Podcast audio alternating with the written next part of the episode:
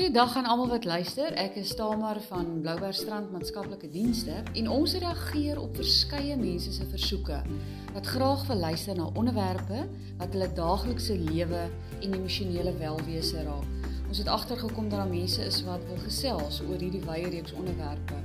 En daarom het ons gedink om hierdie podcast reeks te begin, die rooi bank. Sommige hier op die rooi bank waar ons sit en gesels en luister is wat ons hier doen.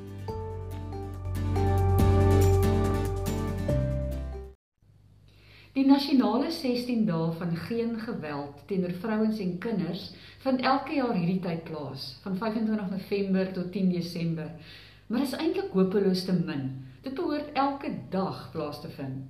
Hierdie uitdaging in ons land het te groot geraak, maar ten spyte van dit is daar slagoffers wat inspireer met hoe hulle hul lewe herskryf.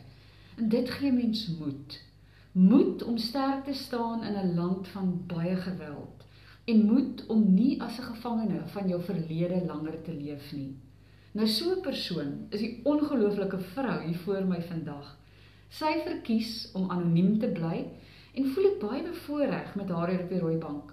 En ons sit sommer actually en saam 'n koffie drink vanoggend. So sy het 'n baie unieke verhaal en beweeg uit haar gemaksone om met ons te deel vandag. So groot dankie sommer hier al aan die begin dat jy hieroor met my gesels. Ag, baie dankie dat ek uh, vandag saam met jou op die rooi bank kan sit en koffie kan drink. Dit gaan lekker wees. So op 'n baie vroeë ouderdom het jy te doen gekry met die swaar kant van die lewe. Ons gaan bietjie later hieroor gesels. Ek wil eers by jou hoor met watter tipe gedagtes jy mee geworstel het in jou kinderjare en wat later jare letsels op jou gelaat het.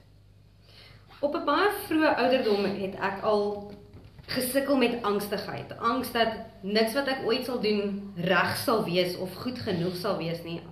Ek was altyd bang dat enigiets wat ek sal doen of sal sê 'n reaksie sal uitlok wat negatief sal wees as mens dit so kan stel. En ek het gesukkel om vir mense te verwoord wat aangaan in my kop. So dit het beteken dat ek totaal en al onttrek het en in my eie wêreld begin leef en my wêreld het baie donker begin raak. Ek sê gewoonlik sommer so so donker en dood en yskoud En eh, als het net moedeloos geword en alle hoop is daar uitgetrek en eh, ek het gesukkel met emosies van alleen wees en geen hoop en eh, daar's geen uitweg nie en niks gaan ooit enigsins beter word in die lewe nie. OK, so wat het daartoe aanleiding gegee dat jy nie kon deel wat met jou gebeur het nie? Ek het groot geword in 'n huis waar my pa so bietjie jaloers en obsessief of beheer wou gehad het. So alles was net my way or the highway. En as jy nie daarbey ingepas het nie, was dit nag. Totaal en al nag. Maar my ma het die grootendeel daaronder gelei waar hy al doen en laat het totaal en al beheer het en elke minuut van elke dag moes weet waar sy was en hoe sy was. So ek het vele male onder die bed gelê en dan dink my ouers maar as die tuimeldroër aan is dan hoor mense nie die geskreeery nie. Of ons het nooit 'n toaster in die huis gehad nie want die toaster is altyd teen die muur gegooi of koffietafels gebreek en sure. en so. Maar ehm uh, terselfdertyd was ek ook gemolesteer gewees as kind deur 'n uh, nabye familievriend en dit het ook aangegaan vir omtrent 2, 3, 4 jaar. Maar So terselfdertyd waar die persoonlike goed gebeur en ek nie gemaklik is by die huis nie en mens heeltyd moet wegkruip en bang is vir jou pa se uitbarstings en bang is dat jy iets verkeerd gaan sê, het ek soos ek sê net totaal en al onttrek en nooit die vrymoedigheid gehad om met enigiemand te praat oor enigiets nie. Sjoe, ek hoor jou en ek kan dit heeltemal verstaan.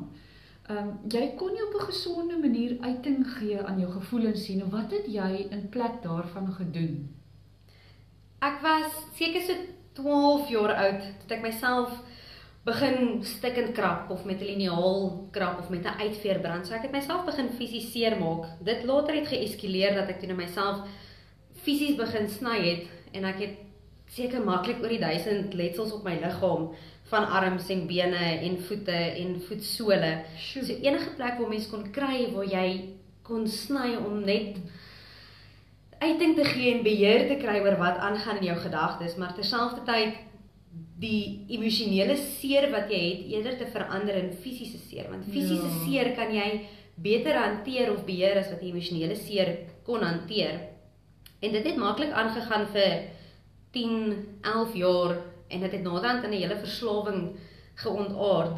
Maar in die tydperk in my tienerjare het ek ook drie keer probeer selfmoord pleeg, maar ek het later besef dit gaan meer oor die die high, die adrenalien rush daarvoor dat jy besef maar jy is in beheer. Jy kan besluit ja. hoe diep, hoe ver, hoe seer waar as jy in 'n situasie is waar jy aan ander mense se genade oorgelaat is, kan jy nooit besluit hoe seer hulle jou gaan maak nie, maar jy het dan beheer oor die seer self. Hoor ek wil net vir jou sê op daai noot dat jy's nie alleen nie.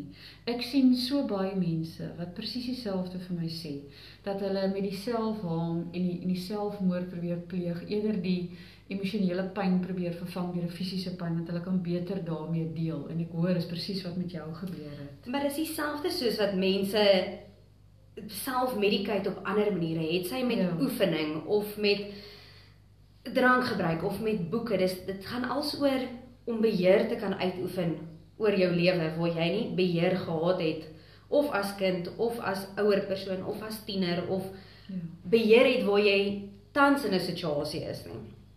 So ten spyte van alles wat gebeur het, was daar nog steeds 'n flikkering van hoop al hierdie jare. Vertel ons asseblief daarvan. Toe ek 3 jaar oud was, was ek in 'n motorongeluk saam met my ma en my sussie. En ek het agtergelê en slaap en uh, by het by die kar se venster ingevlieg en my ma het omgekyk om die by weg te jaag, maar sodoende het sy beheer oor die voertuig verloor en sy die kar gerol.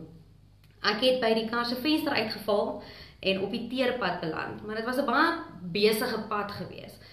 En uh, die kar het op sy dak beland En hier sit ek in die middel van die teerpad en my ma is onderste bo en my sussie huil en skree en my ma kyk toe weg vir seker maklik 2 sekondes, 3 sekondes net om te kyk of is my sussie okay en dan nou weer terug te kyk na die pad toe. Maar in daai 2 sekondes sit ek toe nou nie meer op die teerpad nie, maar op die grondpad 5 meter verder.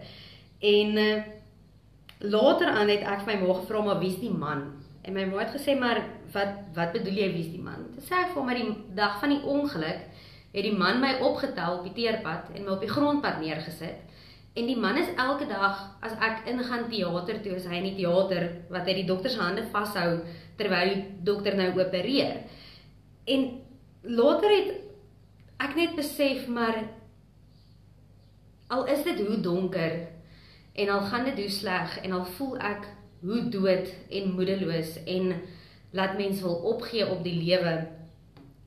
Dan moet tog 'n plan wees met my lewe want die Here sou nie gekom het of dit die Here was of Jesus was of 'n engel was, maar hy sou nie gekom het of gestuur het as daar nie 'n plan was met my lewe nie. So hy sou my nie daai dag op die teerpad opgetel het en op die grondpad gesit het om my veilig te maak nie. Hy sou nie die dokter se hande gelei het met die operasies nie. So iewers al gaan dit hoe donker en hoe swaar, was daai klein flikker van hoop dat dit kan nie nog slegter gaan nie. Dit kan net nog beter gaan van hier af.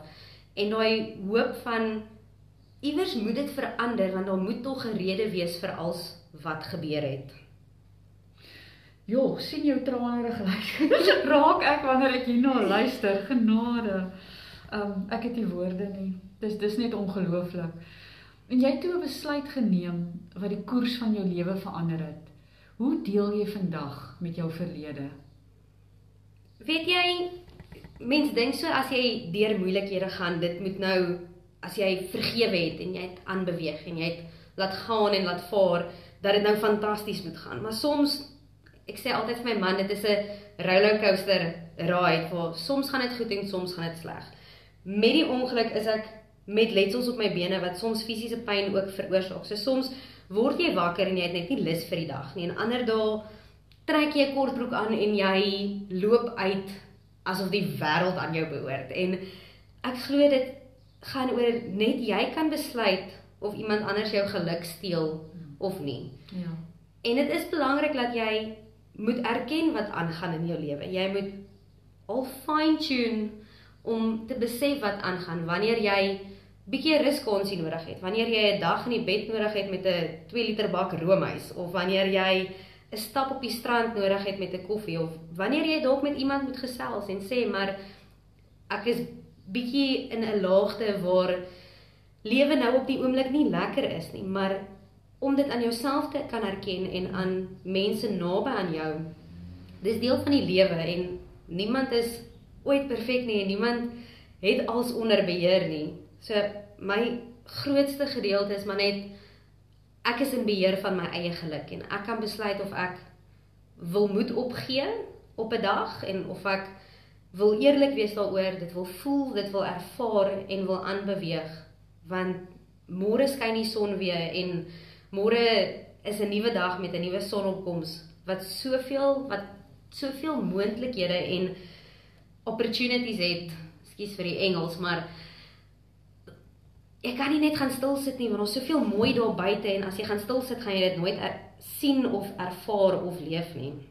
So wat ek by jou hoor, ehm um, is dat jy moet in voeling wees met jouself en jy moet jou emosies en dit wat jy ervaar erken en ja. nie ontken en onderdruk nie.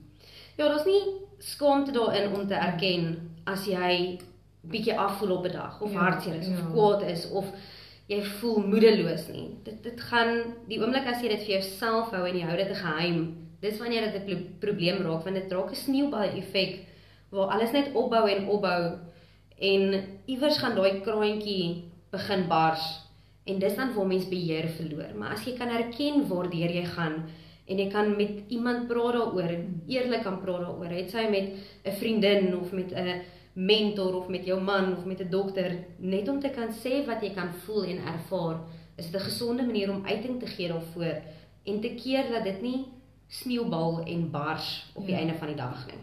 So dankie vir jou vrymoedigheid. Ek admireer jou. En jy gee werklik nuwe betekenis vir my aan it's not about the fall but about the rise. Ag dankie weer eens dat ek hier kan wees vandag en my storie met julle kan deel en dankie vir die lekker koffie.